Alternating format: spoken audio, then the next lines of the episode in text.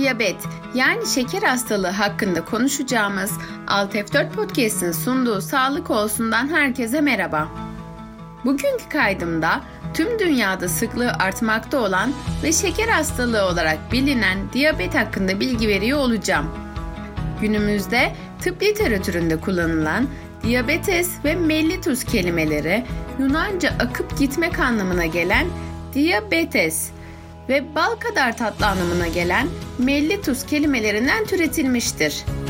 Diyabet, vücudumuzda midenin arkasında yer alan pankreas adlı salgı bezinin yeterli miktarda insülin hormonu üretmemesi ya da ürettiği insülin hormonunu etkili bir şekilde kullanılamaması durumunda gelişen ve ömür boyu süren bir hastalıktır. Sonuç olarak kişi yediği besinlerden kana geçen şekeri yani glikozu kullanamaz ve kan şekeri yükselir. İnsülin kan şekerinin normal sınırlarda tutulmasını, dokularda glikozun kullanılmasını sağlar. Kan şekeri yükselince salınımı artarken kan şekeri düştüğünde de salınımı baskılanır. İnsülin yokluğu veya dokularda insülinin kullanımının engellenmesi şeker hastalığına neden olur. Yediğimiz besinlerin, özellikle karbonhidrat içeren besinlerin çoğu vücutta enerji için kullanılmak üzere glikoza dönüştürülür. Midenin arka yüzeyinde yerleşik bir organ olan pankreas, kaslarımızın ve diğer dokuların kandan glikozu alıp enerji olarak kullanmasını sağlayan insülin adı verilen bir hormon üretir. Besinlerle kana geçen glikoz, insülin hormonu aracılığıyla hücrelere girer. Hücreler glikozu yakıt olarak kullanır eğer glikoz miktarı vücudun yakıt ihtiyacından fazlaysa karaciğerde yağ dokusunda depolanır. Diyabeti olmayan bir bireyin kan şekeri düzeyi açlık halinde 120, tokluk halinde yani yemeye başladıktan 2 saat sonra 140'ın üzerine çıkmaz. Açlıkta veya toklukta ölçülen kan şekeri düzeyinin bu değerlerin üstünde olması diyabetin varlığını gösterir. Bir kişinin diyabetli olup olmadığı açlık kan şekeri ölçümü veya oral glikoz tolerans testi yapılarak saptanır. Açlık kan şekeri ölçümü %125 arasında olması gizli şeker yani prediyabet sinyalidir. Açlık kan şekeri ölçüm sonucunun 126 veya daha fazla olması diyabetin varlığını gösterir. Oral glikoz tolerans testinde glikozdan zengin sıvı aldıktan 2 saat sonraki kan şekeri değeri önemlidir. İkinci saat kan şekeri ölçümü 140 ile 199 arasında ise gizli şeker, 200 veya daha yüksekse diyabet tanısı konulur. Tip 1, tip 2 ve gestasyonel diyabet olmak üzere 3 tiptir. Tip 1 diyabette vücudumuz glikozu enerji kaynağı olarak kullanır ve glikozu midenin arkasında bulunan pankreas bezinin salgıladığı bir hormon yardımıyla kullanır. İnsülin olarak bilinen bu hormon vücutta yapılamazsa alınan gıdalar enerji olarak kullanılamayacaktır. İnsülin hormonunun eksikliği sonucu ortaya çıkan tip 1 diyabet sıklıkla çocuklarda ve genç yaşlarda görülür. Mutlak insülin eksikliği vardır. Bu yüzden insülinin ömür boyu dışarıdan verilmesi gereklidir. Tip 1 diyabetin tedavisinde değişmez kural insülin enjeksiyonudur.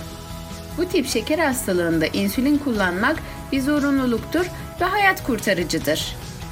Tedavinin diğer temel taşları ise sağlıklı beslenme, düzenli egzersiz ve eğitimdir. İdeal kan şekeri düzeyinin sağlanması için gün boyu belirgin özen ve günlük bakım gerekir kişinin kendini iyi hissetmesi ve sağlıklı yaşam sürdürmesi için gereken bakımı hayat biçimi haline getirmelidir. Tip 2 diyabete göre görülme sıklığı daha düşüktür. Tip 2 diyabet ise sıklıkla 40 yaşından sonra görülür. Fakat son zamanlarda daha da gençlerde görülmeye başlanmıştır. Vakaların %90'ında abdominal obezite vardır. İnsülin direnci ve hipertansiyon sık görülür.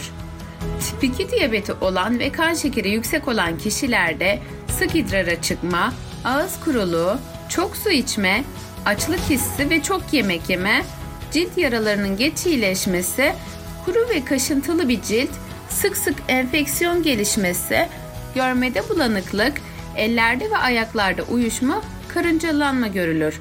Ancak bu belirtiler zaman içinde yavaş yavaş ortaya çıkar. Açlık kan şekeri değeri yüzün üzerine çıkmadığı sürece normaldir. %126 arasında ise bozulmuş açlık kan şekeriniz vardır ve kan şekeriniz biraz yüksek demektir. 126 ve üzerinde bir değerse diyabet hastası olabilirsiniz demektir. Bu belirtilerin üzerine bir de günün herhangi bir zamanında kan şekerinizi ölçtüğünüzde 200'ün üzerinde çıkıyorsa mutlaka doktora başvurmalısınız. Peki diyabet kimlerde aranmalı? Kimlerde risk daha fazladır? Öncelikle herkeste, her yerde, her yaşta diyabet teşhis edilebilir.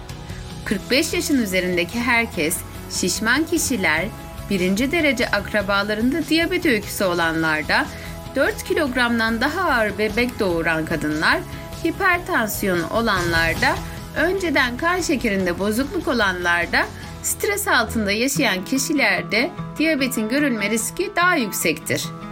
Eğer kan şekeri kontrol altına alınmazsa damarlarda hasarlara neden olabilir.